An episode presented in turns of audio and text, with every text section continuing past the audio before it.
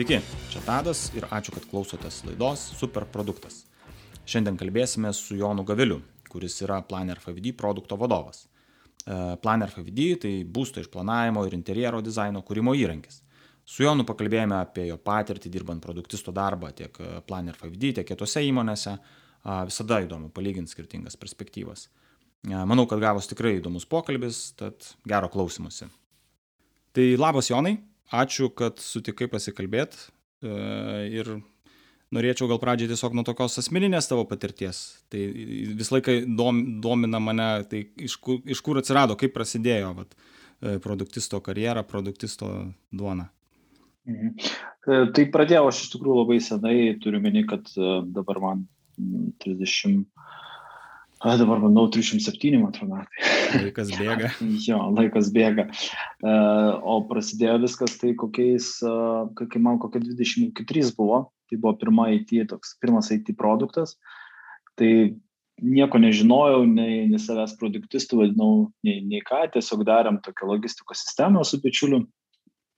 Tada supratom, kad padarėm daug klaidų, uh, Visų pirma, pirma klaida tai buvo aišku tame, kad mes kūrėm logistikos sistemą skirtą, reiškia, daliniams kroviniam ir į kurią, reiškia, Uberį, pasakysiu taip, furistam. Iki šiol dar nėra tokios normaliai sistemos vystant, bet mes kokiais 2003 metais tą darėm. Ir kai padarėm, tai supratom, kad nei jos reikia, nei pasirengę, reiškia, furistai dar su tokiam sistemom dirbti, tais metais dar, reiškia, dar furistai vis dar užsakymus tvarkydavo Nokia telefonais, žodžiu, ir nieks labai, 2006, man atrodo, tik iPhone'as atsirado. Tai, žodžiu, tai nuo to prasidėjo, po to buvo įvairūs, įvairios klajonės per įvairias e, kompanijas, kol galiausia jau taip visiškai IT srity, reiškia, atsiridau ir, ir, ir su produktais, pradėjau, su produktu konkrečiu labai jau kaip, kaip savo, reiškia, kaip samdomas produktų vadovas, reiškia, pradėjau dirbti Planner 5D kompanijoje, čia buvo kokiais 2015 metais, kai aš iš Startup Highway verslo akceleratoriaus buvau tiesiog pakviestas į, į kompaniją prisijungti. Tai aš va, pas juos ir atėjau, po to kuriam laikui buvau išėjęs į Tesonetą ir visai neseniai vėl grįžau ir dabar dirbu toliau su Planner 5D kompanija tame tarpe nuo tos pirmos, reiškia, kompanijos iki, iki buvo įvairių produktų bandyta, startupų daryti, panašiai, bet ten buvo daug chaoso, nebūtinai žinojom, kaip ir ką daryti, reiškia, daug buvo iš tikrųjų bandymų ir, ir eksperimentavimų, iš to, aišku, atėjo tam tikra patirtis ir suvokimas, kaip IT produktai gimsta, kaip juos reikia daryti. Tam tikri mano tokie, uh, reiškia, startuperiški skilsai galbūt atėjo iš to, žodžiu. Tuo pačiu galbūt ir uh, tam tikras nusivylimas, kaip lietai judam, kai patekau į didesnės kompanijas, su kuriuom pradėjau dirbti, reiškia. Tai tokių įvairios, reiškia, patirties yra su tais produktais. Tai prieš Planner 5D, jeigu teisingai suprantu, buvo tos produktinės patirties, tai tavo tas backgroundas, patirtis visuomet buvo produktinė tokia su produktais, tai yra nelydint komandas, ar dar ir turėjo kažkokių kitokių patirčių? Aš visada savo tokią stipresnį sritį galbūt laikiau uh, kaip marketingą, vien dėl to, kad natūraliai kažkaip tai nebuvo tuo metu kaip po tokios profesijos, kaip produktistas. Tarsi buvo, reiškia, arba business development dalis, arba ten šitas būtent marketingas, bet kažkaip taip produktas, bent jau mano aplinko arba tos, reiškia, startupuose nebuvo labai išskirtas. Tik tai kažkaip vėliau atsirado toks grinai pozicija kaip head of product, žinai, arba panašiai, žodžiu. Tai jo, aš labiau save laikiau marketingistų, bet ilgainiui ir būtent planerį aš supratau, kad man vis dėlto labiau patinka, kaip aš sakau, kurti dalykus, tai yra patį produktą, reiškia, daryti. Ir dėl to aš truputį nuėjau nuo marketingo, link labiau link produktinių dalykų. Labai įdomu, nes ir pas mane to, to pradžia buvo rinkodarinė, digital marketing, ir paskui vėliau apie 15, taip jau profesionaliau yra apie product management dalis, iki to laiko ten irgi įvairių tokių pasibandymų buvo. Kaip manai, ar produktistas, vat, aš šiaip, šiaip nuomonė, ne, kad produktistas gerai, kai turi įvairių patirčių, nes ten vis tiek produktas tai nėra vien tik tai, ką, ką padaryti, bet vis tiek ir launch reikia padaryti, paleisti produktą, prižiūrėti rinkodaros pardavimų planai. E, kaip manai, ar kas kas yra naudingiau sakykim kalbant apie skaitmeninius produktus rinkodarinė produktisto patirtis ar tokia a, labiau techninė iš, iš programuotojo, pavyzdžiui, išaugęs produktistas ar dizainerio? Iš tikrųjų labai, labai priklauso, ko gero, nuo to, kaip sukomplektuota komanda, ta prasme, kurią tu ateini ir kokie ten yra e, skilsai, kaip procesai sutvarkyti. Man atrodo labai nuo to. Ne, aš, kur patekau į tas komandas, tiek teso, tiek planerį, tiek tai kažkokius startups, buvo man, aš labai gerai galėjau panaudoti savo skilsus, kurie susijęs su marketingu, su apskritai tokiu, aš sakau, startuperišku, bet entrepreneriški, žinai, kažkokie skilsai tokie versliški ir kuriuos galima buvo panaudoti tiek tai prisibeldžiant iki įvairių kompanijų, tiek, reiškės, apskritai turint, sukuriant viziją pačią. Tai aš, aišku, iš savo pozicijos labiau žiūriu, reiškės, kad galbūt reikėtų tokių daugiau universalesnių skilsų ir supratimo ne tik iš techninės pusės, bet ir iš marketingo, iš dizaino pusės, iš procesų, kaip turi vykti apskritai biznio pusės. Tai man atrodo, tas yra svarbiau. Bet nebejotinai reikalingi ir tie techniniai dalykai, nes dažnai susiduriu, reiškia, ir su kolegom, kurie, reiškia, turi galbūt silpnesnius tos techninius dalykus. Aš save laikau pakankamai techniškų šiaip žmogum, ta prasme, ilgainiui, kadangi vėlgi ten ir pats ir webus kūriau ir, ir daug per tos techninę pusę supraėjęs, tai aš laikau save pakankamai gerai suprantu ir tą techninę pusę, bet in general jo, aš labiau esu tas, aiškiai, soft dalyko atstovas, daugiau marketingas, verslas ir, ir, ir, ir ta pusė.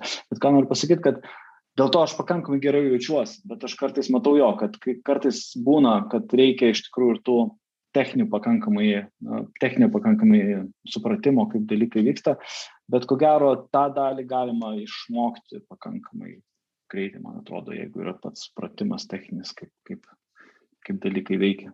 Tai produktistui svarbu turėti tą platų spektrą patirčių. Taip pat svarbus balansas komandoje tikriausiai, ne, kaip, kaip pasidengia, ko nėra, tai produktistas turėtų galbūt padengti kažkaip. Tai, tai aišku, realybėje galbūt tą yra sunkiau visą laiką subalansuoti, teoriškai galbūt ir skamba gerai. Man apskritai labai patinka komandose ir dirbti su tokiam komandom, kuriuose ja, iš tikrųjų kitose gal ir nedirbau. E, pas, pas mane komandos, kurio, kuriuose dirbau, buvo visada a, tokius universal, universalūs kariai. Ir bent jau aš manau, kad su jais labai greitai galima judėti. Iškas, kai dizaineris nėra tik tai dizaineris, bet ir supranta truputį marketingo dalykus, truputį copywritinimo dalykus, supranta, reiškia, ir iš biznio pusės, jis tada žymiai plačiau ir efektyviau dirba. Tas pats ir su biznio, tas pats ir su mm, programuotojas, jeigu jisai supranta šiek tiek ir apie estetinius dalykus, ir apie dizainą, jam galbūt ne visada reikia labai detalios instrukcijos dizaino, gali reiškia duoti pagal guideline'us gali veikti ir panašiai. Tai va tokiose komandose, man atrodo, galima greitai veikti ir, ir judėti greitai. SWOT būrys toks, ne, autonomiškas, nedidelis, kuris gali daug ką padaryti. Aš esu labai už tai, už va tokius nedidelius, autonomiškus būrius, kurie gali greitai judėti savarankiškai man labai patinka. Dar norėčiau pagvildenti tavo temą apie tą patirtis tas ankstyvasias, vat minėjai, ne, ten logistikos sprendimą pradėjot kurti ir toks, sakyčiau, klasikinis atvejis, ne, pirmą statyti sprendimą prieš problemą, neįsigilinus į rinką ir man, ir man tekia per tai perėti. Gal dar yra kažkokių tokių niuansų, vat, ką išsineši ir, ir ką paskui taikai stengiasi išvengti? O, jo, tai vienas čia didžiausia mano pamoka ir po to aš kai perskaičiau Eric Rice knygą apie Lean Startup, galvoju, oh my god, kur jis buvo, reiškia, kad pasirodo reikia viską tikrinti ir galima tikrinti ir yra metodai. Ir, tai aš esu labai už tai tikrinimo. Aš sutinku, kad kartais uh, būna dalykų, ypatingai kai aš pradėjau su Apple platforma dirbti, pastebėjau, kad nu, ir galbūt susiformavo tokia reiškia nuomonė, kad kartais vis dėlto, aišku, svarbu ne tik testavimas ir žemės, kartais yra kiti, sakysim, apaučiai, kaip galima kurti produktus, kai yra labai stipri vizija, kai labai stiprus tikėjimas, reiškia, tuo, ką darai ir galbūt kartais tada jau rinka turi surasti tokią, kad tiktų tavo produktas, o ne, sakykime, žiūrint, ko rinka nori ir, tą pasiūlyti. Tai čia yra skirtingai. Sakykime, raučia ir galima ir vienas, ir kitas yra atveju, kad vieni ir kitų, ir vieni ir kitų, ir vienu ir kitu, atsiprašau, dirba. Va, bet uh, man, aišku, labiausia tai tas tinka šis momentas, kad vis dėlto uh, žiūrėti ir tikrintis ir labai aiškiai atsakyti klausimą, kokie, kodėl vieni ir kiti dalykai uh, turi būti daromi. Vėliau, iš tikrųjų, dabar padirbam paskutiniu metu su ten, iš testų, reiškia, tokiu Tomu Kazlausku, kuris mano buvo tam tikras gurų, reiškia, kaip atsižvelgti į prioritetus ir kaip stipriai reikia ir galima jų laikytis ir kaip, kaip tai turi didelį įtaką apskritai produktų kūrime. Jis buvo toks mano mokytas. Tai aš anksčiau galbūt labiau žiūrėdavau, reiškia, eidavau labiau į kompromisus. Reiškia, vieni kažkokį feature nori, kiti kažkokia reiškia baga. Tai Tomas iš tikrųjų yra tas žmogus, kuris mane išmojo, kad labai stipriai, reiškia, viską remti analitiką ir skaičiais galima surasti visus atsakymus ir nereikia ginčyti, žodžiu. Tai va čia toks dalykas, insightas man buvo, kad iš tikrųjų, jeigu yra kompanija pastatyti labai aiškus tikslai, kažkokie okearai, KPIs ir panašiai. Tai nesimėtant labai galima lengvai atsakyti visus klausimus, kas yra dabar svarbiausia, ką mes turim daryti ir daugiau ir mažiau visa komanda gali būti tame pačiame lygyje ir suprasti, kur dabar šiandien judam, o nesiblaškyti, kaip yra dažnai, reiškia, kompanijose, kurios labiau tokios, sakykime, bendri tikslai yra žinomi, bet nėra iki detalių iš, išdetalizuoti. Tai, va, tai čia toks, toksai dalykas. Dabar dar dėl, dėl dar bendrų reiškia tokių dalykų. Aišku, kuo labiau kompanija, kuo labiau auga, e, aišku, jinai prasideda procesai, jos reikia, ten apsirašo, struktūrizuojasi ir panašiai, ir labai viskas lėtėja. Tai aišku, mano, reiškia, išsineštas iš šito laiko toks, iš šito, reiškia, periodo insightas yra, kad e, ko gero komandos e, turi kuo ilgiau jos gali, su, kuo ilgiau jos sugeba judėti, tai yra bendraudamos tiesiogiai, neapsirašydamos kažkokiais procesais ir panašiai, o tiesiog bendraudamos ir judėdamos greitai, apie ką iš principo Adžialas ir kalba, bet ne visada tai taip ir yra įgyvendinta. Tai tuo ilgiau kompanija gali judėti, nes į, tiesiog noriu truputį papasakoti momentą. Aš dirbau beveik penkis metus planerėje, mes buvom ta kompanija, komanda, reiškia, kur galėjom greitai judėti, buvo ribotas žmonių skaičius, mes sprendimus sprendinėjom greitai, e, akis į akį, ta prasme, apsitarėm, judam toliau. Tada aš nuėjau į TESO ir planerį pasikeitė vadovai, atėjo naujas SEO, jisai darė jau truputį labiau tokią struktūruotą kompaniją, daug žmonių priimė. Ir kai aš grįžau dabar, tai kompanija labai labai sulėtėjus ir tas labai jaučiasi, kad tie featureai, kurie buvo daryti ir mes per, per savaitę padarytom daugiau nei dabar mes padarom per tris kokius printus. Tai tas labai jaučiasi. Aišku, tai yra, vėlgi, tu kompanija paruošė augimui, skėlinimui ir panašiai ir, ir tai yra suprantama, bet tiesiog kiek galima ilgiau, jeigu įmanoma išbūti tokie, tokiais, yra, mano nuomonė yra geriau, nes tai leidžia greitai judėti aišku, jau tada atsiranda kitos problemos, kad jeigu yra daugiau žmonių, tada jau aišku, ten pasimiršta dalykai ir panašiai, bet tai va, tai tokios mano gal kelios, kelios mintis tą temą. O kas įtakojo tą tokį pasikeitimą greičio, ne? kai vat, ar tai, kad buvo viena komanda, tapo jos kelios ir ta komunikacija tarpusavinai išilgėjo, ar, ar kažkokios kitos priežastys procesui, kažkokiu, kurių reikia laikytis, negali kažko praleisti? Atsiranda daugiau sprendimų prieimėjų, tai tas kelias apskritai sprendimo prieimimo, reiškia, ir to suderinimo jisai labai išsitėse. Uh, vienas dalykas, jo, ir tai ko gero vienas iš tokių svarbiausių. Ir tada aš truputį, ne tai, kad uh, kažkokia čia kritika, bet aš tiesiog matau, kad tie, reiškia, sprintai, mes gal neišmokam, reiškia, dar taip greitai judėti per juos, sakykime. Bet kai tu planuoji, nu ypatingai pas mus dabar yra, reiškia, labai trumpi, tai yra savaitiniai sprintai. Tai yra, jeigu per vieną sprintą suplanuoji, vidury savaitės apsitirikti pusė, tai reiškia, kol per komandą suvaikšto taskas kažkoks, tai kažkokius užduotis, tai išsitęsia per 2-3 sprintus, reiškia, nu, per 2-3 savaitės. Ir gaunasi labai ilgai, kai uh, čia ir dabar dirbant uh, ten dizaineris, programeris, jie gali tuos dalykus labai greitai tuo pat lygiai grečiu metu, reiškia, susiderinti ir pasidaryti. Na, ten copywriterį pajungti, e, produkt owneris kažką tai gali pajungti, ko reikia iš išorės, ta prasme, bet judėti greitai, tai tiesiog žymiai greičiau išeina judėti. Bet jo, bet prie tam tikro lygio, aišku, jau neįmanoma to padaryti, tiesiog reikia vis tiek reikia, atsiranda tam tikra hierarchija, hierarchija, nori ar nenori, ten atsiranda kažkokie lydai, atsiranda kažkokie, reiškia, papildomi sprendimų prieimėjai ir tada viskas labai išsitęsia. O kiek, kiek dabar yra komandų Planner 5D? Ar tik tai ir Lietuvoje čia yra, ar dar kompanija yra ir tokia tarptautinė? Tai dabar uh, Lietuvo, reiškia, planeriai apskritai dabar 45 žmonės dirba, uh, bet dauguma iš tikrųjų remotų dirba, bet ne dėl to, kad karantinas, bet dėl to, kad iš įvairių pasaulio šalių, tai turim ir Vokietijoje žmonės, ir turim daugiausiai iš šitų šalių, tai uh, Baltarusija, uh, Rusija, dabar galvoju, Ukrainoje turim ar neturim, nelikti Ukrainoje neturim, turim uh, išvykusių ten į Vokietiją dirbti, iš, išvykusių į Indoneziją dirbti, reiškia, nu, iš, iš įvairių, bet šiuo metu apie 45 žmonės ir dirba.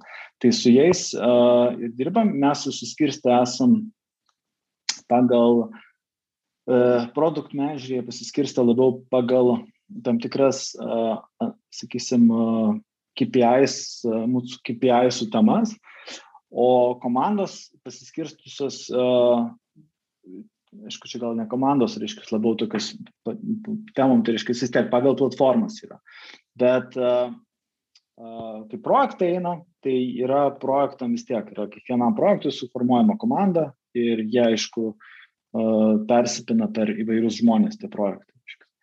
Tai va, ir tie projektai tada juda. Tai tai va taip, tai aišku, turim keturias platformas, tai keturios uh, developerių kom komandos arba, nežinau, jo, mes vadinam komandom, tada turime produkto komandą atskirą, tai ten įeina ir analitikai, ir uh, įeina dar uh, menedžeriai, ir turim marketingo atskirą komandą, kuri, kuri turi ten savyje ir CRO menedžerius, ir SEO, ir reklamos ir, ir panašiai. Tai vad maždaug taip sudėliotoja. Nuotolinio darbo tos toksai problemos nėra tikriausiai, visi išmokom karantino metu dirbti nuotoliniu būdu. Klausimas tik tai dėl laiko zonų. Ar visi taip maždaug Europoje yra, ar yra, nežinau, didesnis laiko skirtumas? Tik tai vyrukas, kuris dirba Indonezijoje, tai jam kažkaip truputį, truputį kitaip yra. Bet iš principo išmokom, jo, mes neturim labai didelių skirtumų, tas laiko zonos, tai mes kažkaip tai išmokom. Ne, nekelia problemų iki šiol ne, nekėlė. Bent jau visai tai laimingas, nes jisai pirmą dienos pusę gali savo smagiai būti e, gamtoje, sakykime, o kitą dienos pusę jisai dirba. No, tai tai ne, nepajutom niekada kažkokių tai problemų dėl to. Pasidalink, prašau, savo, nežinau, ne, ne, nenoriu sakyti mėgstamą, naudojamą darbę, ne metodiką, vat, dar, poreikių surinkimui. Vat minėjai ne apie tai, kad jų yra įvairių ir tos klaidos paprastai yra padaromos, kad pirmą kažkaip e, kažkas padaroma, paskui galbūt net ten grįžtama. Tai kaip, kaip bandai validuoti, ką darai vat, kasdien, sakykime, mane kaip produktistas, kad featuresas X yra reikalingas ir, ir, ir panašiai, kokie tavo įrankiai darbo ir metodai naudojami. A, dabar e, taip, yra toksai pas mus bendras, e, aš nepasakysiu, tai nėra backlogai, bet tai yra daugiau toksai roadmapas, kuriame mes susidėliojam pagal labiau į mūsų okiarsus nukreiptos, reiškia, tokie projektai, sakykime, ir juos mes susidėliojam ketvirčiams, ketvirčiais. Iš tikrųjų, aš šitą atėjęs pasiskolinau iš tesoneto, nes tesonetas taip dirba. Tai man labai patiko ir, ir, ir mes bandom taip dirbam, dirbti. Ir ketvirčiai tu susidėlioji, principą, tam tikrus esminius projektus. Tuos esminius projektus mes nusprendžiam pagrindę apsitarę su svarbiausiais žmonėm, tiesiog balsuojant paprastu būdu, išsiprioritizuoja ją. Tai turim sąrašą tokių, reiškia, visų iniciatyvų, kurias mes norim padaryti per ketvirtį. Va. Ir tada e, tas iniciatyvas mes nubalsavę išsirikiuojam ir šalimais mes e, turim, nu, pasižiūrim, kiek kokios kom, e, komandos, reiškia, ar ten žmonių, reiškia, kiek tai maždaug pareikalaus resursų, kad su, suprastume maždaug labai labai bendrai, nieko ten labai neestimėti, labai tiksliai, bet bendrai suprasti, kiek tai gali pareikalauti, reiškia, resursų. O kai tą turim, tai mes jau tada galim pradėti judėti ir detalizuoti jau taskus, taskus dėliotis, reiškia, į džirą, konkrečiai iniciatyvai, ką, ką reikia padaryti. Tai pasidarom kažkokį kofinį mytą, kur aptariam, ką tiksliai su įvairiom šalim ir įsidėliojam taskus, ką reikia, reikia padaryti. Tai čia toks vat, dalykas. Yra tokie dalykai kaip po ateimai, ateimai kažkokių feature requestų iš uh, supporto, pavyzdžiui, iš, uh, ir dažniausiai tai iš klientų ir panašiai. Tai šitie irgi patenka į bendrą diskusiją, kai mes planuojam va, tą vat, listą, iškės OKRsų, jie patenka į bendrą diskusiją, mes gaunam iš supporto nemažą sąrašą, ką, ką useriai nori ir tada aptarim, kurie įeis. Nu, bandom, kad per ketvirtį bent vienas, du, kad patektų į tą listą. Tada yra dar dalykai, kuriuos nori developeriai patys padaryti. Ypatingai. Tai yra dažniausiai kažkokie refaktorinimo dalykai ar atskirai, atskirai kažkokį tai, nežinau, dėl, dėl saugumo, dėl dar kažko, tai ką jie nori. Mes esam sutarę iš tikrųjų prioritetiniu, sakykime, būdu, ten apie, ten penkio, e, apie 25 procentus kažkur laiko skirti tam. Jie gali savo, savo iniciatyvą, tai yra mes planuojant, niekada neplanuojam ten, kad jų būtų pilnai užimtas laikas. Kažkiek paliekam tam, kad jie galėtų pasidaryti tuos dalykus, ką jie norėtų. Tai va, tai principai iš, iš tokių dalykų ir formuojasi, tas mūsų, reiškia, roadmapas, ką mes ruošiamės daryti ir ką, ką, ką, darysim. Tai va, o dabar, kai jau yra detalės, nors teso, pavyzdžiui, mes žymiai labiau tą žiūrėdom, e, pas mus dar kol kas to ne, nedarom, bet, e, reiškia, kai dėl kiekvieno feature jis reikalingas ir nereikalingas, tai norėtųsi vis dėlto priimti sprendimą remiantis analitinės duomenim. Tai šiuo metu mes ne visada dar tą turim, vien dėl to, kad ne viską iš tikrųjų dar trekinam iki, iki galo, ką mes norėtume. Bet uh, tikslas yra toks, kad vis dėlto ar to reikia, ar to nereikia, ar tas pasiteisino, nepasiteisino, ar tą padarėm ir toliau vystom, bet tie dalykai turi būti vis dėlto priimami jau remiantis kažkokią informaciją iš, iš vartotojų, iš elgsenos. Tai, va. tai tesu tas uh, žymiai geriau gyventi, pas mus dar kol kas neįkmėloja. Tai žodžiu, prioritetai nustatomi remiantis tikslais, tai kas, kas yra labai gerai iš principo, tai užduoda tokią aiškę gairę, tai OKRus girdžiu naudojat ir tada jo, prioritetas nusistatoma, tik tai įdomu, vat, tas pats balsavimas vis tiek tikiu, kad yra remiamasi kažkiek tai vartotojų išvalgom, kažkokią kiekybinę informaciją, nes, nu, analitika, ten, sakykime, gili, tai yra dar vienas toks didelis lygis, bet iki analitikos dar galima ir šiaip turėti, ne, tiesiog pasikalbėjimų su vartotojais kažkokiu, tai, vat, customer supportas galbūt yra. Tai tas, tas, kaip suprantu, irgi yra įtraukiama. Kažkiek tai taip, bet uh, tikrai nėra vartotojai uh, lemiamą balsą lemintis. Ir čia galbūt, uh, nežinau, gal kitaip nei kiti darom, aš nežinau tiksliai, bet, bet tikrai taip nėra. Aš iš tikrųjų gavau tokį, nu, nežinau, tokią tam tikrą pamoką, kad ne visada reikia žiūrėti, ką vartotojai sako. Tai yra kažkada stebėjau su Dropboxu, kai jie buvo padarę Boatboxą savo ir ten galima buvo balsuoti, reiškia, kokius feature'us nori vartotojai. Tai vartotojai galiausia taip nubalsavo, kad ten jie nori kriptovaliutas ir dar, reiškia, kitų dalykų, kai jau Dropboxas galiausiai išjungė tą feature ir nebeleido vartotojams balsuoti. Tai pas mus yra panaši situacija, kartais vartotojai nori dalykų, kur ne visai su mūsų vizija, ta prasme, su, su, sutampa. Ir mūsų produktas, nors ir jau turi didelę savo uh, nišą, bet vis tiek mes turim viziją, kur mes norim šiek tiek pasukti mūsų produktą. Tai yra Planner 5D. Ir jeigu tai trumpai, tai reiškia, jeigu mes šiuo metu esam labai daug uh, creativity toolsas, tai yra, kad vartotojai aš taip kartais sakau, Planner 5D yra saugusių simsai. Reiškia, kad e, žmonės labai dažnai tiesiog žaidžia, e, kuria savo svajonių namus ir panašiai. Bet mes vis dėlto labai norim paimti tą dalį ir tokių semi-profesionalų, kurie nori realias problemas spręsti. Tai čia mes turim per mažai dar tų vartotojų, bet mes labai turim aiškius uh, dėl rinkos dydžio, dėl verslo modelio ir panašiai labai aiškius tikslus, kodėl mes jau norim daugiau paimti. Tai čia daugiau yra mūsų iniciatyva, bet nebūtinai mes turim tiek daug vartotojų, kad jie norėtų ir sakytų. Čia toks rizikingas dalykas, bet, bet mm, čia mes taip nusprendėm. Čia man visą laiką šita, šita tema tai yra ta, ką vartotojai sako, nebūtinai elgesi, tai čia toks labai aiškus ir aiškiai išreikštas dalykas, tik tai visą laiką realybėje, gyvenime, kad darbo diena, žodžiu, yra visą laiką tai kaip subalansuota, ne, kaip, kaip iš tikrųjų atsirinkti, kur gali nenulaidžiauti, kur turi nulaidžiauti, kur turi įsiklausyti. Tai šita, šita tema yra labai įdomi. Bet galbūt tada va, taip organiškai tu jau pradėjai apie Planner 5D kalbėti, tai papasakok apie produkto atsiradimo istoriją. Kaip, kaip jis atsirado, nesupratau, tu pakankamai anksti prisijungi prie šios komandos. Jo, aš prisijungiau, reiškia, pats produktas buvo atsiradus Rusijoje. Įkūrėjai Aleksėjus ir Sergejus, jie principė susibėgo, nes sugalvojo tokį produktą padaryti savo vietinį rinkoje. Jos daugiausiai tai įkvėpė tai, kad jie turėjo bendras savo tokios pačius, reiškia, problemas. Tai yra vienas įkūrinėjo būstą, kitas savo namą statė ir jie neturėjo savo rinkoje tokio stipraus produkto ir nusprendė pasidaryti prototipą, pasidarė, perėjo per keletą investuotojų ir gavo pradinės investicijas, nuo ko viskas prasidėjo. Juos investavo Game Insight uh, įkūrėjo, iškės, uh, fondas, IMIVC toksai.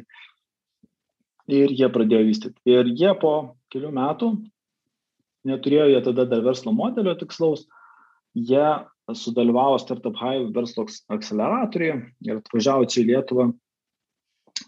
Ir po to akceleratoriaus aš manau, kad labai neblogai jiems jie susiformavo savo produktą, tikslus persformuoja, nusprendė labiau judėti į vakarietišką, į vakarų rinką, ne vien apsiriboti, sakykime, Rusijai ir, ir, ir aplinkiniam šalim.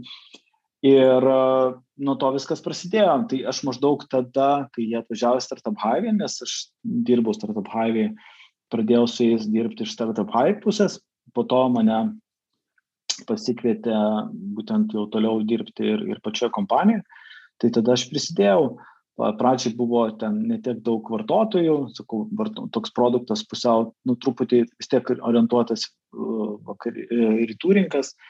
Tai didžiausia iššūkiai buvo tas, kad mes, ko gero, nu, buvo nuspręsta vėlgi persiorientuoti vakarų rinką, buvo nuspręsta pasidaryti mobile first produktų va, ir, ir pradėjo viskas link to judėti, žodžiu. Tai vat, nuo, nuo to prasidėjo ir, ir į tą pusę. Ir, ir, ir nuo to daug, daug, daug kas pasikeitė, nes kai atvažiavo, tai jie buvo dviese. Buvo jau nemažai padaryta, buvo iš tikrųjų web platforma padaryta, ne tiek daug jinai iki, nu, nu, ir, ir dabar jau pasikeitus, nors ten aišku viską perrašinėm viduje, bet uh, išoriškai ne tiek daug pasikeitus. Ir uh, buvo beveik veikiantis iOS, uh, reiškia, produktas, pro, programėlė, tai ten buvo visiškai per naują padaryta, čia mūsų lietų programuotojo. Ir galiausiai pasileidom Androidą, Windowsus, jo, ir, ir Androidas šiuo metu yra numeris vienas platforma, kiti šiek tiek iOS labai gerai finansiškai atrodo, žodžiu, nu, verslo modelis galiausiai suformuotas, žodžiu, tai, tai va taip pat ir juda dabar. Papasakok apie vartotojų grupės, kokios jos yra pagrindinės segmentai, sakykime, ne, ir kokias tų vartotojų problemas sprendžiat, kaip, kaip įvardinat pas save. Jo, pas mus toks produktas labai tos grupės, labai toli viena nuo kitos. Tai e, ir nebūtinai savaime suprantamas, sakykim taip. Tai mes iš tikrųjų ilgai bandėm irgi suprasti labai tiksliai, e, kas tie vartotojai iš tikrųjų, įvairius bandėm tyrimus darytis ir, ir daugiau ir mažiau dabar susiformavo tas. Tai uh, didelė dalis iš tikrųjų ypatingai tų vartotojų, kurie yra mokus, mok, moka, didelė jų dalis realiai sprendžia tikras problemas, tai yra jie ateina, nusiperka ir galbūt jie nori, reiškia, susitvarkyti savo būstą, persiplanuoti, pasidaryti planus, galbūt jie nori prieš perkant būstą pasižiūrėti, kaip jie galėtų įsidėlioti, reiškia, labai konkrečios aiškios problemos. Tai jiems mes ir siūlom tai, kad jie gali tiesiog pasi, susiplanuoti savo, sakykime, kažkokį būsimą būstą. Yra kitas šalimai segmentas, tai yra tie žmonės, kurie sakysiu taip, yra tokie kaž, e, tam tikri profesionalai, bet pavyzdžiui, nekilnojamo turto profesionalai, kurie nori pardavimui tiesiog pristatyti patogiau, reiškia, tą, tą būstą. Tai šitie segmentai yra labai e, šalia. Tada yra labai didelis segmentas, yra, aš kaip sakau, tie mm, gameriai, tai yra, kurie planerį naudoja tiesiog kaip kūrybiškumo e, įrankį, tiesiog kuria savo svajonių būstą. Tie vartotojai labai įdomus tuo, kad jie uh, ilgai daug laiko praleidžia, jie yra patys labiausiai įsitraukę, reiškia, tai vienas iš tokių dalykų, ką va tokiem vartotojam, reiškia, mes padarėm, tai dabar turime, mes padarė jiems dizaino konkursus, jie gali dalyvauti, rungtis ir kurtis įvairiom temom tuos uh, projektus, laimėti prizus ir panašiai. Toks tam tikras žaidybiškumas ir, ir įsitraukimas didesnis. Va. Tada yra žmonės, kurie uh, galbūt a, yra visų pirma jo, teisingai, dar yra mokiniai ir, ir, ir mokyklos, kur irgi nemažą dalį su, daro, kur mūsų įrankį naudoja tiesiog kaip uh, įrankį įvairiem edukaciniam projektam. Ten kažkokį planą, kažkas matematikas pamokom naudoja, geometrijos pamokom ir panašiai, toks įdomus vizualus dalykas. Tai čia yra va, tokie pagrindiniai, pagrindiniai e, segmentai tų, tų mūsų vartotojų. Aišku, jie dar truputį skaidosi detaliau, bet, bet bendrai yra taip, žodžiu. Va, yra dar ten įvairūs tokie subsegmentai, kurie, kuriems galbūt reikia tenai, kurie nori tiesiog greitai iš, išsidėlioti, bet jie nenori labai daug laiko gaišti. Tai mes bandom eksperimentuojam su artificial intelligence dalykais, mes padedam jiem atpažinti planus, mes padedam jiems išdėlioti baldus automatiškai. E, tai va čia tokie eksperimentai iš mūsų pusės, ir tam tikrą dalį, reiškia, irgi, irgi padengia. Tai vat. Supratau, o verslo modelis, nes e, pas jūs parašyta free, ne? nemokamas sprendimas, kur gali paimti ir naudotis. Ir aš esu ten kartą bandęs savo kambarį kažkaip perstatyti, tai naudojau, bet e, o iš ko uždirbat pinigus? Tai, e, nu, tas mūsų modelis vadinamas freemium, tai daugelį funkcijų mes duodam nemokamai, reiškia, susikurti kambarį, įsidėti ten nemažą dalį mo, modelių galima nemokamai. Bet mes tą modelį vis labiau po truputį spaudžiam ir, ir ieškom tos ribos, aišku, kur, kur vartotojas jau, jau bus perspaustas, kada dar, dar jisai pasirengęs mokėti. Bet mes bandom apriboti visas kitas funkcijas. Tai yra modelių editinimas, tai yra keitimas tekstūrų, dydžių ir panašiai, nes mes vienintelį rinkoje leidžiam visiškai keisti modelį. Tada uh, vadinami HD uh, screenshotai, tai yra, kai iš mūsų paprasto primityvaus modelio gali padaryti uh, renderį, tai yra HD renderį, kuris atsiranda atspindžiai, atsiranda šviesos ir jisai pasidaro žymiai tikroviškesnis. Tai mes juos pardavinėjom takais, nes tai yra mūsų atskirų serverių resursų reikalauja. Ir uh, Tai va, tai katalogą mes parduodam kaip subscriptioną e, dabar, o atskirai dar papildomai galima pirkti tuos uh, screenshotus, snapshotus mes vadinam, kur uh, tiesiog vartotojai gali susikurti renderius ir tikroviškus vaizdus iš savo tų kambarių. Tai čia tie vadinami in-app purchase, ne, kur, kur gali papildomus kažkokius. Jo, in-app in purchase. Jo. Kaip atrodo rinka ir konkurentai? su kuo konkur, konkuruoja, ar pavyzdžiui kažkokie, nežinau, ten Adobe sprendimai, nesu specialistas va šitos rinkos, ne, kas, kas dar per žaidėjai. Yra tokių didelių žaidėjų dabar rinkoje netiek daug yra. Uh, tiesiog uh, tokia, sakysim, savotiška galbūt rinka yra, kad uh, čia nėra nei Adobe sprendimų iš to vietoje, Autodeskas kažkada turėjo produktą, bet pardavė kinų bendroji buvo. Tai dabar pagrindė yra tokios įvairios studijos, kurios daro būtent tokius nišinius, nišinius produktus. Mes, aišku, mes nekonkuruojam, aišku, kažkuris segmentas galbūt ir persidengia, bet mes kaip, kaip profesionaliais įrankiais mes nekonkuruojam, mes esame visiškai toksai, sakom, įrankis mėgėjim. Tai čia yra, uh, yra toks homestyleris, buvo jų produktas, tai jie pakankamai techniškai išdirba produktą, bet aišku, daug turi daug problemų ir su modelių skaičium, ir, ir kaip viskas dirba, ne, vis, vis, ne viskas korektiškai. Yra dar keletas produktų, yra vienas produktas, uh, jeigu neklystu, Floor Planner, man atrodo, man Niderlanduose kūrimas, tai jisai, jie netaip senai perėjo iš Flasho į WebGL technologiją, bet jie neturi mobile appų, ir dabar jie, nu, iš tikrųjų matosi, kad, e, taip galima sakyti, truputį vejasimus. Uh, yra dar visai neblogas, a, dar yra vienas neblogas produktas Home by Me, kur, bet jisai kažkodėl tai ne taip korektiškai veikia web ir plus neturi mobile reiškis produktų. Tai mobile, pavyzdžiui, Android mes tikrai esame numeris vienas pasaulyje. Mes a, jose vieni iš pirmaujančių yra, dar keletas vienas prancūzų produktas yra, su jais konkuruojam. O webe jo, mes ten yra stipresnė konkurencija ir dar yra keletas produktų. O kuriuose rinkose esate stipriausi? NVS minėjai, ne iš, iš, iš Rusijos kilę, tai ar čia yra Europa, NVS ar... A, tai a, pagrindė, pagrindė iš tikrųjų Amerika, Brazilija ir Androidas stiprus Brazilijoje, kitos yra jos platformos Amerikoje ir yra Rusija.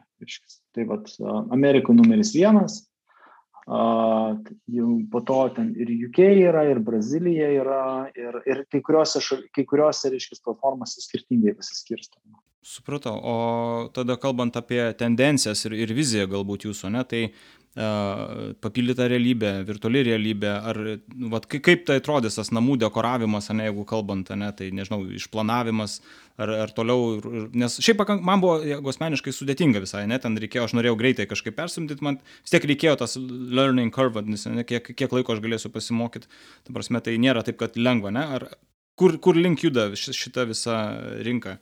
Pradėsiu nuo to, gal, kad mes apskritai tikim, kad uh, tokia profesija kaip vidutiniai interjero dizaineriai, vidutinio lygio interjero dizaineriai, jinai išnyksta. Reiškia, tai, ką dabar daro, sakykime, ten priskelbimus ir panašiai interjero dizaineriai, tai tai gali labai lengvai, na, nu, ne tai, kad lengvai, bet tikrai tai yra, nežinau, 5 ir 10 metų bėgė bus, manau, išspręsta artificial intelligence dalykai ir tai, tai jau darom ne tik mes, tą daro ir kitos kompanijos ir tai tikrai pasieks kažkokį tai lygį, plus labai daug mokslinių darbų šitą temą yra ir mes turim savo mokslininkus, kurie dirba tą temą, tai aš manau, jo, kad vidutinio lygio interjero dizaineriai liks be darbo. Mes tikrai negalim konkuruoti ir dar, ko gero, kaip kai kurie prognozuoja artimiausią 50 metų, matyti su tikrai nu, labai aukšto lygio interjero dizaineriais, kur ten yra iš tikrųjų kūryba ir, ir, ir, ir inovacijos, bet vidutinio lygio mes tikrai galėsim pakonkuruoti. Tai čia vienas momentas yra. Dabar kitas dalykas yra, aišku, visi uh, virtualios realybės dalykai. Bet su jais yra kol kas taip, kad uh, labiau gal tai yra tik tai, sakysiu taip, uh, toks smagus dalykas turėti, bet netiek daug matau atvejų, kur tikrai labai mm, pasitarnauja. Aišku, ten ir Lietuvoje net ir į šitą, kaip čia jie vadinasi, Reiškia, kelios kompanijos Lietuvoje, mačiau, irgi daro, reiškia, tokį produktą, kad gali nueiti nekilnojamo turto, jų apžiūrėti per virtualios realybės akinius, gal kažkiek tai ir smagu, bet to tikroviškumo tai vis tiek neper, neperteikia. Aš jau mačiau, kad jau yra pirmi bandymai ten 8K padaryti vieną akį, reiškia, uh, maždaug tokios kokybės. Tai aš tikiu, tikiu, kad tai bus ir neužilgo ir, ir tai suteiks didesnį tikroviškumą, bet iki to vis dėlto dar, dar, dar padirbės. Ir tai aišku, nekilnojamo turto pristatymui uh, galės būti labai vertingas dalykas. Tai čia kita pusė. Uh, trečia pusė yra tas, kad uh, apskritai šita rinka, jinai yra tokia truputį nišinė dar. Statistinis žmogus, uh, jisai turi žinot, kad yra tokie įrankiai, ateiti ir pradėti, reiškia, naudoti. Statistinis žmogus, jisai vis tiek nuvažiuoja, ten jeigu būstą kažką bando vizualiai suprasti, arba nuvažiuoja į parduotuvę kažkokią tai pasižiūrėti, arba jeigu įkėja, tai įkėjų kažkas kažką paplanuoja, bet pats retai kada. Tai šitas uh, dėl to, kad šit, ir šitie produktai dar kol kas yra iš tikrųjų šiek tiek sudėtingi, paprastam visiškai eiliniam žmogui. Tai jeigu jai pasžengs tiek, kad uh, iš tikrųjų paprastas žmogus su rekomendaciniais visokiais algoritmais ir panašiai galės tos dalykus padaryti, susidėlioti savo lengvai būstą, iš, būsto išplanavimą, nelendant į 3D ir žiūrint, kaip čia atitaikėt, kad ten atstumai būtų geri, tai tada šitą, šitą situaciją iš esmės pakeis. Bet kol kas iš tikrųjų reikia pripažinti, kad vis dar sudėtinga paprastam žmogui, sakykime, ten, ten ar mano mamai, ar, ar, ar, kitiem tą pasidaryti, dėl to tai yra šiek tiek galbūt dar nišinis dalykas. Gal dėl to vis dėlto ir nėra dar didžiulių kompanijų, tai yra pasaulinių ten Adobe ar panašiai, kad jie ateitų iš tą rinką ir, ir bandytų irgi atsiriekti didelį, didelį gabalą. Va, tai e, čia apie, bet, jo, tai ko gero, tie patys trendai, kaip ir kalbėjom, tiek AI, tiek VR. Uh, augmented reality irgi svarbus dalykas, bet daugiau, jeigu ten galbūt VR labiau Google'as stumia, tai augmented reality labiau ten tiek Apple'as, tiek uh, ir Microsoft šiek tiek judina. Tai žodžiu, čia nėra aišku, taip akivaizdžiai, kuri ten technologija bus pirmaujanti, bet bandymų tikrai yra ir mes vėlgi stebime, ką ir kiti daro. Tai įdomus dalykai vyksta ir pavyzdžiui, daug yra ir mes tą bandom daryti ir, ir daug kitų kompanijų. Tai yra įdomi tema yra apskritai e, tikro vaizdo perkelimas į skaitmeninį, tai yra, kad tau nereikėtų visko perkešinę tavo būtą, kad tu galėtum su iPhone'u praseit per savo kambarį, jisai solidarų nuskanuoja tavo kambarį, atpažįsta baldus ir tie baldai atsiranda pas tave plane, žodžiu.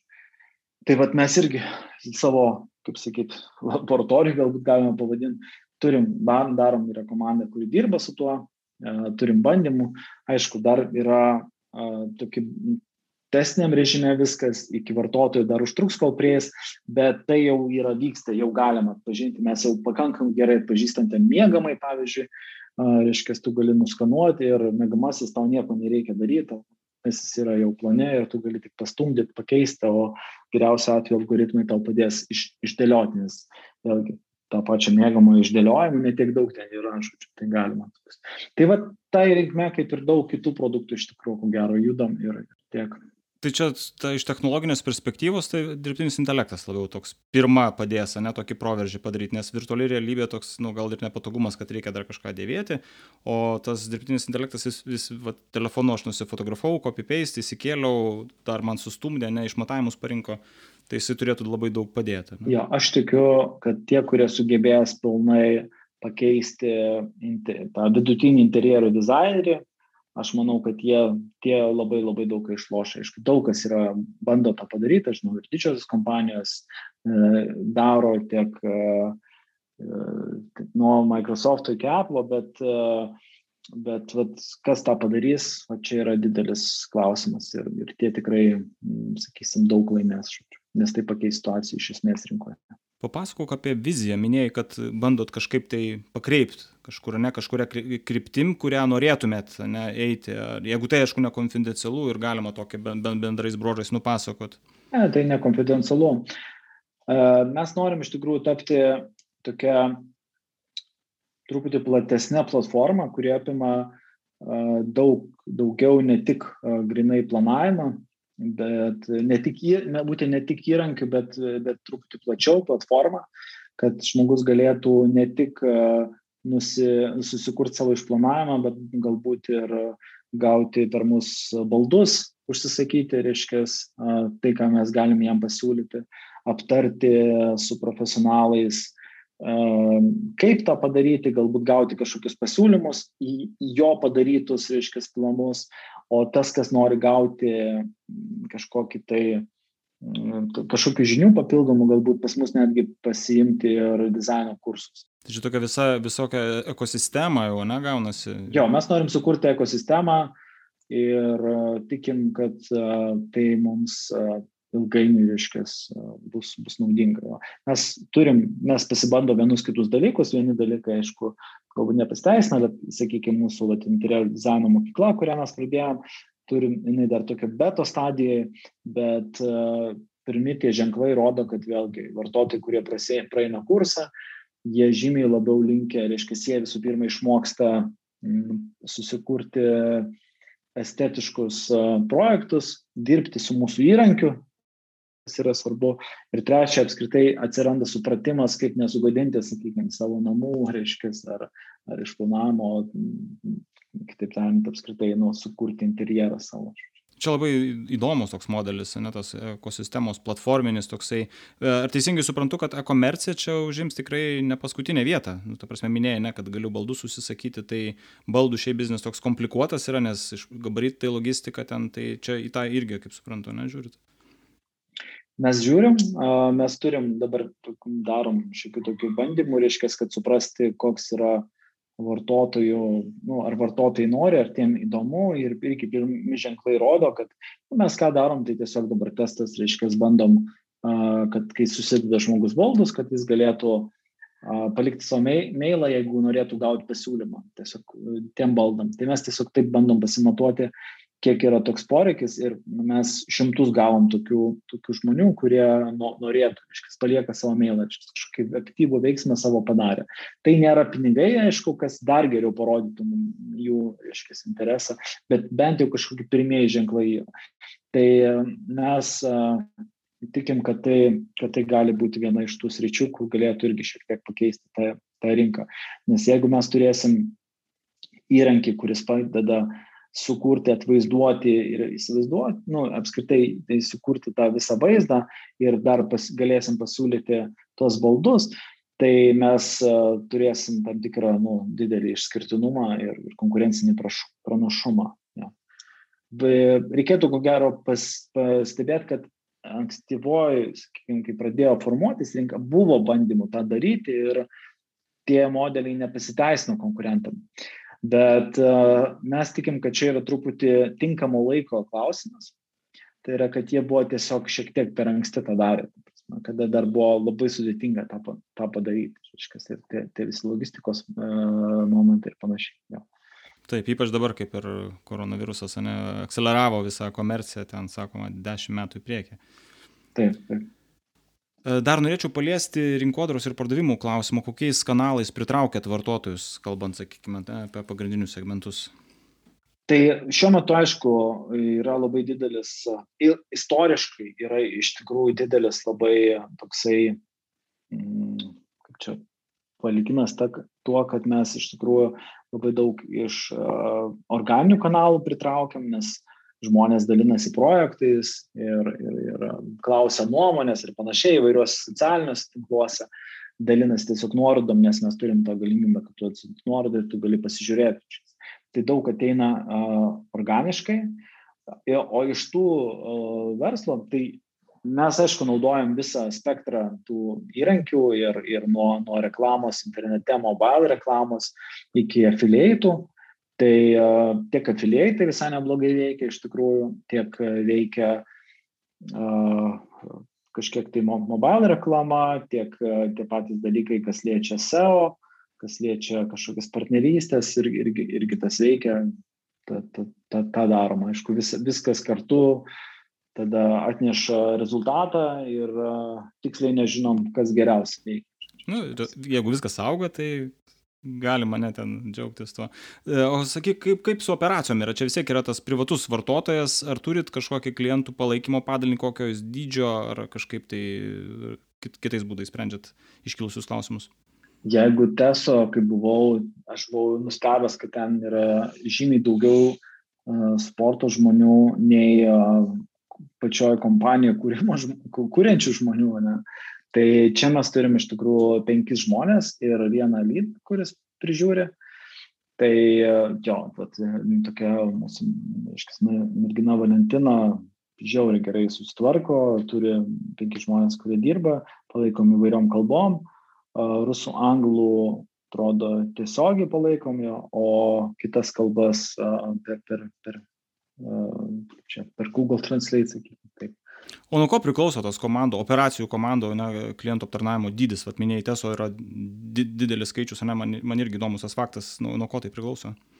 Ko gero, aišku, labai matyt, nu, priklauso ir nuo to, kokią vertę jie suteikia, reiškia. Tai teso tie žmonės, jie įsitraukia nuo pat pirmų žingsnių, tai reiškia, jie siūlo, kai tu pirkimo procese jau tau siūlo pagalbą, reiškia, tai natūralu, jeigu tu ją visur siūlai, visur ir kreipiasi Tai iš, iš to ateina, reiškės, daug labai, reiškės, užklausų ir, ir reikia, reikia aptarnauti. Aš buvau labai nustebęs irgi atėjęs, kad tiek yra žmonių su sportu dirba ir kad labai smarkiai yra, mm, kaip sakyt, siūloma tą pagalbą.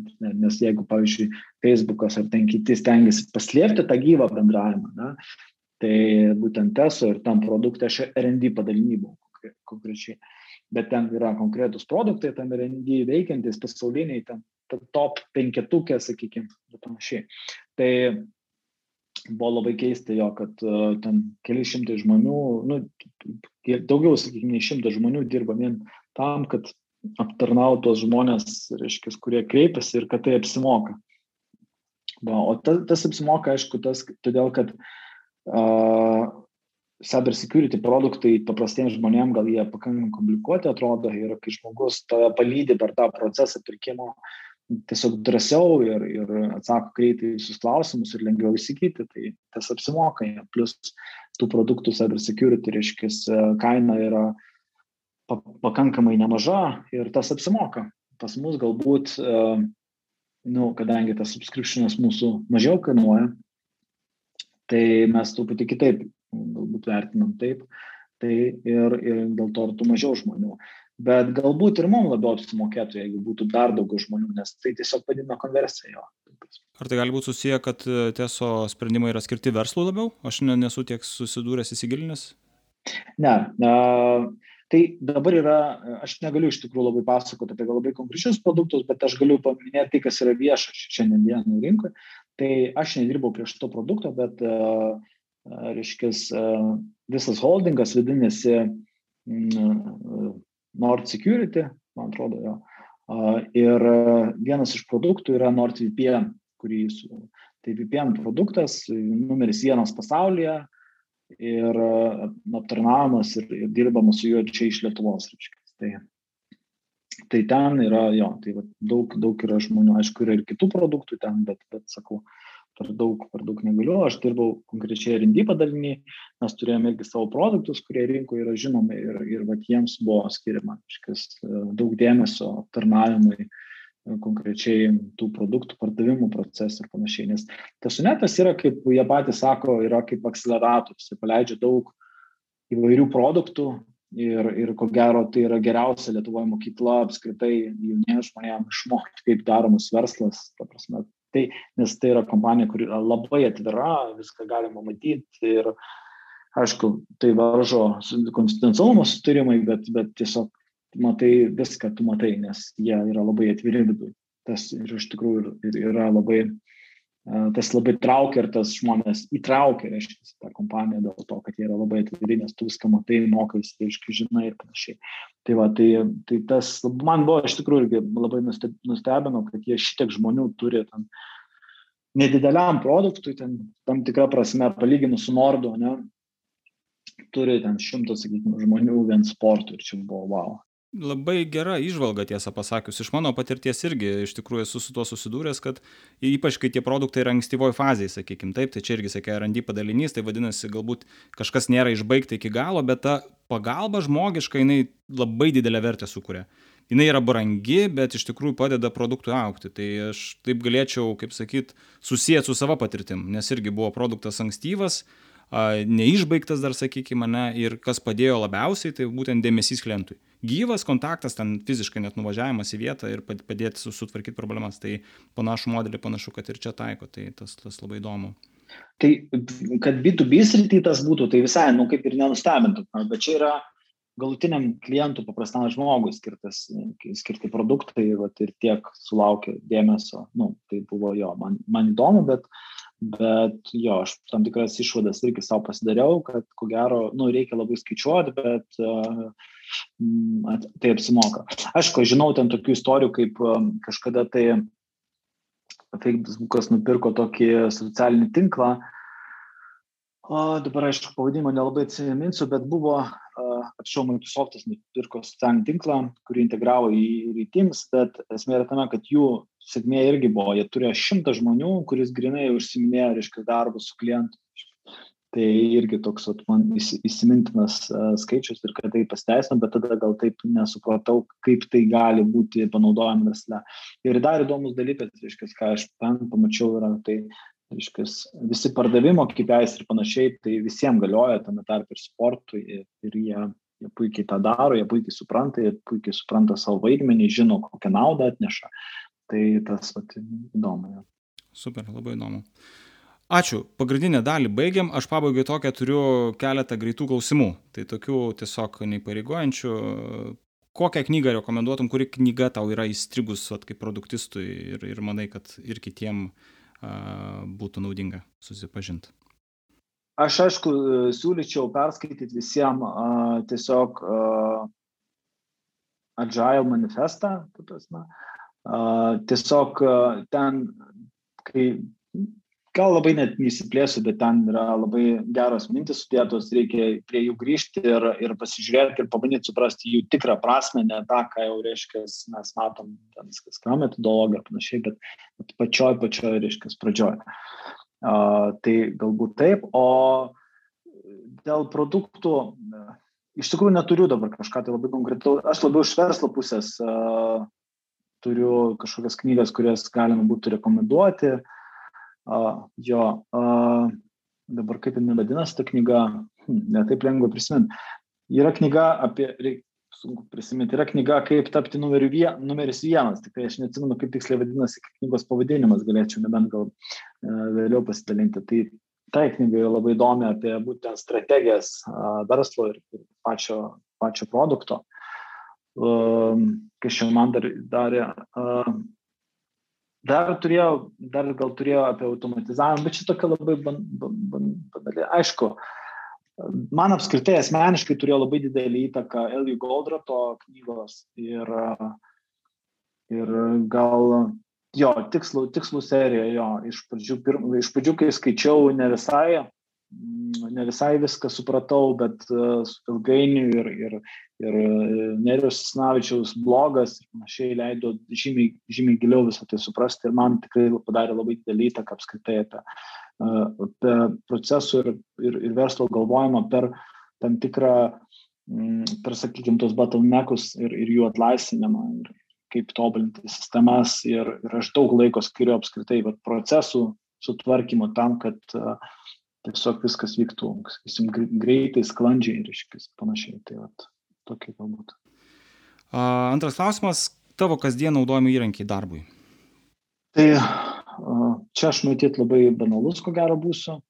Tai pagrindinis įrankis mano dabar yra Jira. Yra bendriem kažkokiam planam, reiškia, grafikam yra e, įrankis Miro.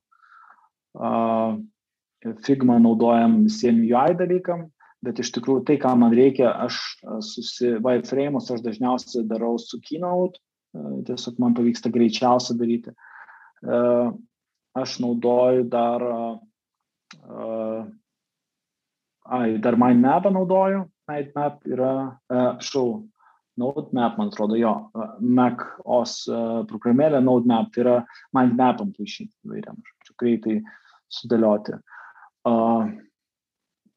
Po to tie visi darbiniai, kaip visokie gitlabai, slekai, zoomai, kas čia daro, bet, bet tokie pagrindė. Ir paskutinis klausimas, patarimas produktistų, patarimas produktistui. Ko gero, čia labai banalus bus, bet reikia labai gerai suprasti produktą, į juo naudotis iš tikrųjų, tarasme, kasdieną ir, ir, ir, ir tiesiog e, pačiam būti, gyventi juo, tada, tada viskas pasidaro aišku, ko gero. Ja, nes, nes pagrindinė problema, kai žmonės daro produktą, bet patys nesinaudoja, skamba labai jokingai tikriausiai, bet tiem, kas ypač nesusijęs su sritim šitą, bet, bet tai yra tokia dažna problema, kad man net jokinga. Jo, o toliau tik tai kaip sakyt, kaupti savo žinias, kaip čia, įvairiose srityse ir iš ten ateina daug įvairių įžvalgų. Ir, ir, nes, nu vis tiek produktis jis turi daug žinoti ir apie marketingą, apie biznį, apie dizainą. Tai vėlgi tas platus, savišvieta plati, man atrodo, yra vienas iš svarbiausių dalykų. Ačiū labai už pokalbį, ačiū už tavo laiką. Ačiū.